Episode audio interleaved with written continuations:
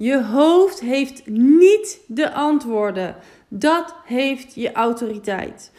Gisteren hadden we de workparty. Dat was echt een fantastisch feestje. We hebben echt genoten en de locatie is geweldig. Uh, dus wat mij betreft, en ook als ik uh, namens de deelnemers spreek, dan is dit zeker voor herhaling vatbaar. De volgende datum staat alweer op de planning. 30 november hebben we Workparty 2.0 en dit is de versie koers bepalen voor 2024.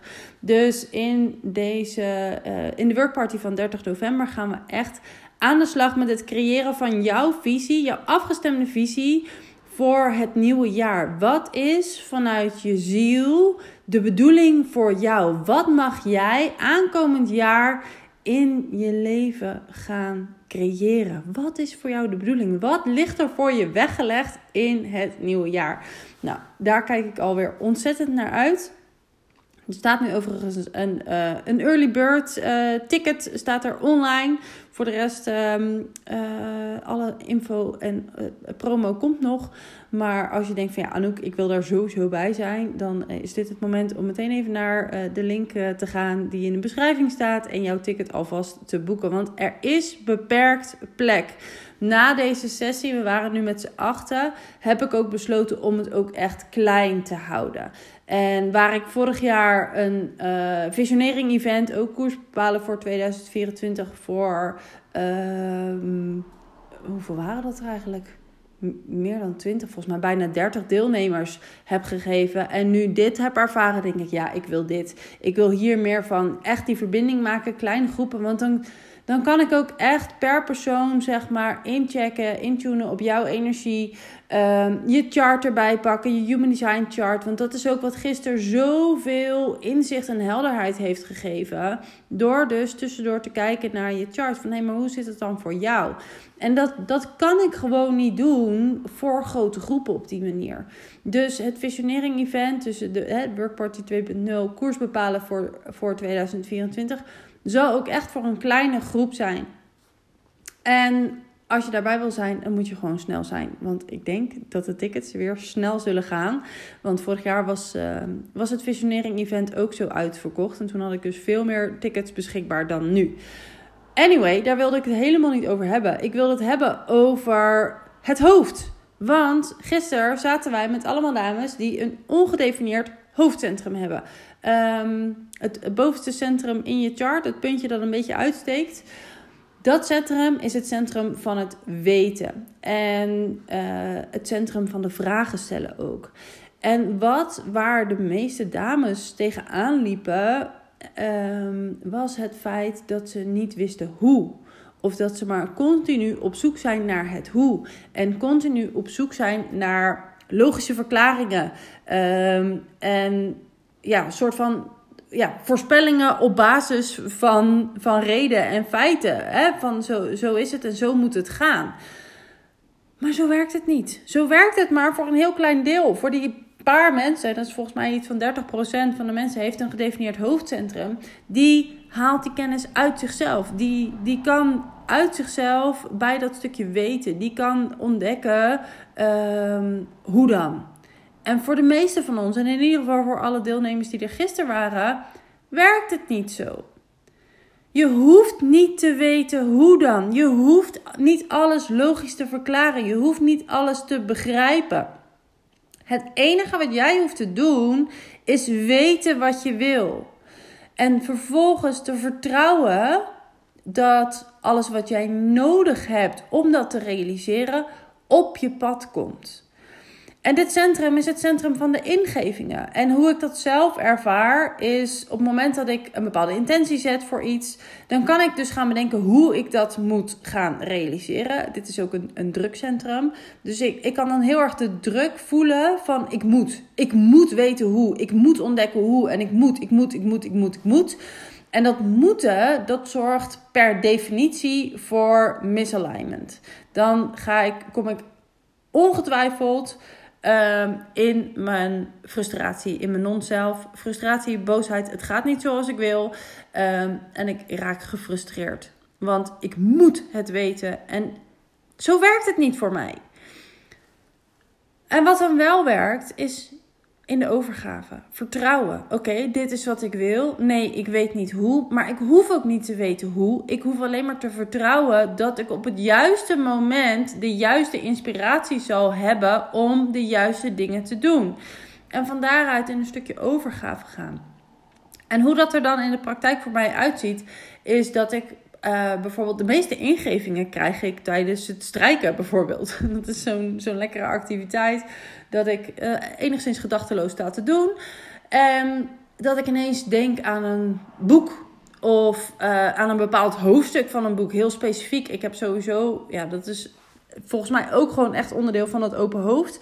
Um, ben heel visueel ingesteld ook. Dus dan krijg ik ineens van, oh, Bob Proctor komt, oh, dat boek. Oh, volgens mij is dat hoofdstuk 7. Um, ehm, en dan ongeveer halverwege. En dan, of ik pak het boek, boek erbij, of het luisterboek erbij.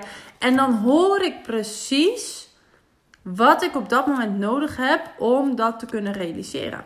En dat zijn de ingevingen. De ingevingen gaan niet zozeer over het exacte uh, wat je moet weten. Soms ook wel hoor. Maar vaak komen die ingevingen in de vorm van een richting. En zo dacht ik gisteravond ook van, oh ja, weet je, ik heb uh, nou, hier de gastank moet gevuld worden. Die is inmiddels gevuld. Uh, dat kost ongeveer 1100 euro om dat te kunnen doen. Ik denk, oh ja, ik moet nog eigenlijk even, ik moet nog eigenlijk even 1100 euro manifesteren. Maar ik weet dan niet hoe, zeg maar.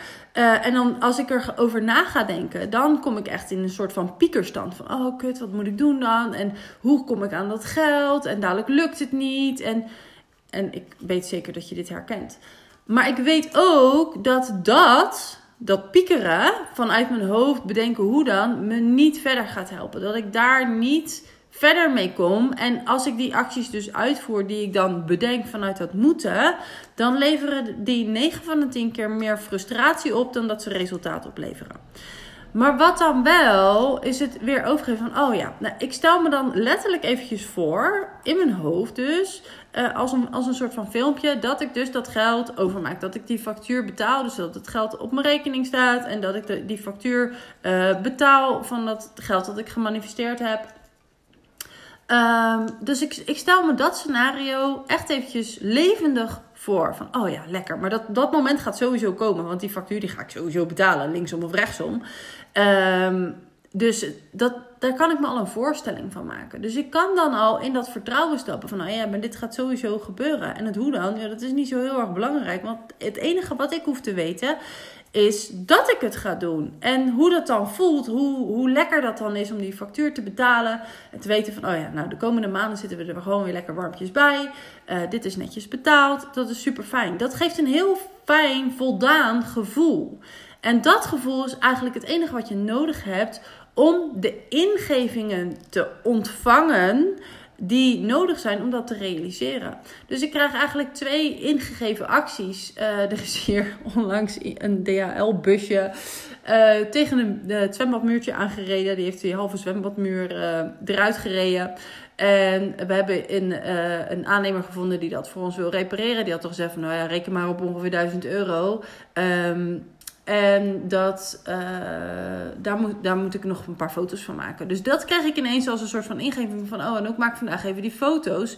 Want weet je, dan, dan wordt er toch alweer uh, waarschijnlijk 1000 euro op je rekening gestort vanuit DHL... om dat muurtje te, te repareren. En... Um, dat is één voorbeeld. Ander voorbeeld is dat ik als, heel lang als draagconsulent heb gewerkt. En ik heb nog een hele tas vol met draagpoppen, draagdoeken, draagzakken. Het is een complete consulttas. Uh, de waarde van die complete tas is ongeveer 1850 euro. En uh, Anne en ik, met Anne heb ik samen moeder natuurlijk uh, gehad. We hebben besloten om die tas voor 1000 euro te verkopen aan een beginnend consulent. Alles zit erin, meer dan compleet is het dus dat, dat was nog een ingeving die ik later kreeg. Van hey, maak even foto's van, van die tas en van die, uh, van die poppen, van alles wat erin zit in een beschrijving. En zet hem in ieder geval op marktplaats of in een, in een draagconsulentengroepen, whatever. Maar dat, denk oh ja, het hoeft niet altijd binnen je bedrijf te zijn. Hè? Het kan juist ook op andere manieren komen. En dit is het stukje, als ik hierover na ga denken, dan kom ik er niet. Maar als ik dus in het stukje uh, overgave kan en het vertrouwen kan. En dit is het visioneren. een helder beeld van de gewenste uitkomst. Dus voor mij is dan dat heldere beeld is het beeld van dat ik dat geld dus overmaak, uh, dat ik het geld ontvang en dat ik het geld dus over één op één over kan maken naar de Antargas in dit geval. en hoe dat geld dan naar me toe komt, ja, lekker belangrijk. En ik weet ja, vanuit een diep weten dat dat geld sowieso wel gaat komen. Alleen ik weet dus niet exact hoe. En dat hoeft dus ook niet. Het enige wat jij hoeft te doen is te vertrouwen en helder voor je te zien wat de gewenste uitkomst is in plaats van de rampscenario's. Want dat is wat ons hoofd dan doet. Van ja, maar hoe dan? En ik weet niet hoe. En, eh, en dadelijk lukt het niet. En hoe moet dat dan? En dan, nou ja, dan, dan neemt je een hoofd een loopje met je. En dan ga je alleen maar dingen bedenken waarom het allemaal niet kan en waarom het allemaal zo verschrikkelijk is. En dan kom je er zeker niet. Dus wat je vooral nodig hebt, is dat stuk vertrouwen en een helder beeld van de gewenste uitkomst. Dat is altijd de eerste stap. En gebruik dan ook je autoriteit. Gisteren, nee, dit ga ik, hier ga ik een andere podcast over opnemen. Want dit is ook een heel mooi verhaal. Ehm, over een van de dames die heel helder voelde, eigenlijk, dat iets anders voor haar de bedoeling was. dan wat ze met haar hoofd van plan was om gisteren tijdens de workparty te gaan doen. Dus die Nee, hij komt er toch nu aan.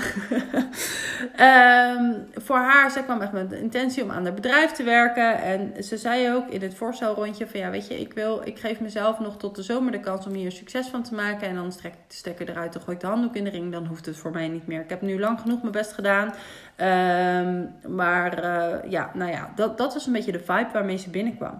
En toen dacht ik al van, oh, maar wacht even. Volgens mij is hier iets heel anders aan de hand. En al vrij snel um, merkte ik, voelde ik dat ze ontzettend aan het vechten was tegen haar autoriteit. En haar autoriteit is, ze heeft een mild autoriteit vanuit haar uh, human design, het is een manifester. Uh, en haar mild autoriteit, haar lichaam, gaf haar een heel duidelijk signaal van wat zij eigenlijk te doen heeft. En daar was ze ontzettend hard tegen aan het vechten. Ze wilde er niet aan, want met haar hoofd was het namelijk niet logisch. Met haar hoofd kon ze het niet beredeneren. Met haar hoofd kon ze het niet goed praten ook voor zichzelf. Maar met haar hele lijf voelde ze dat dit was wat ze te doen heeft. En samen hebben we door die weerstand heen gewerkt. Ehm, heb ik ook haar in eerste instantie een uitgebreide uitleg gegeven van hoe haar autoriteit werkt en hoe ze dit kan voelen. Nou en toen kwam ze eigenlijk vrij snel tot het besluit van, nou, ik moet met dit bedrijf stoppen. Ik wil dit niet meer op deze manier. Ik trek dit niet meer. Het klopt niet voor mij. De vorm klopt niet. Het kost gewoon veel te veel moeite. Ik heb er geen zin meer in op deze manier. Ehm, maar er zaten een heleboel maren aan. Het is zo belangrijk. En ik kan de vrouwen die, met wie ik werk niet teleurstellen. En wat zullen ze wel niet denken als ik nu de stekker eruit trek? En ik heb net een nieuwe website laten bouwen voor UG euro. En uh, dus al die dingen. Ja, ik snap heel goed dat dat je tegenhoudt. En I know, bin daar dan that. Ik heb dat met moeder natuurlijk toen ook ervaren. Ik voelde eigenlijk al twee jaar lang dat ik moest stoppen. Maar ik bleef het maar relativeren. En dat relativeren, dat is echt killing. Want dat houdt je zo lang in een situatie waarin je niet gelukkig bent. En jouw autoriteit, of dat nou je, je mild is, je emotioneel centrum is, je sacraal is, je, je, het, maakt niet uit welke um, je hartcentrum is, het maakt niet uit. Maar jouw autoriteit weet wat voor jou de bedoeling is. Dus stop met vechten tegen dat wat je lichaam, je autoriteit weet. Stop met vechten, laat het toe. Ander voorbeeld is een van mijn klanten. Die weet eigenlijk ook al heel lang dat ze wil stoppen met haar werk. Um, en daar komt nu een heel groot schuldgevoel bij kijken. Want van de twee jaar dat ze daar werkt, is ze uh, ja, ruim een jaar uit de running geweest. Dus ze voelt zich, als ik nu wegga, dat kan ik, dat kan ik toch niet maken.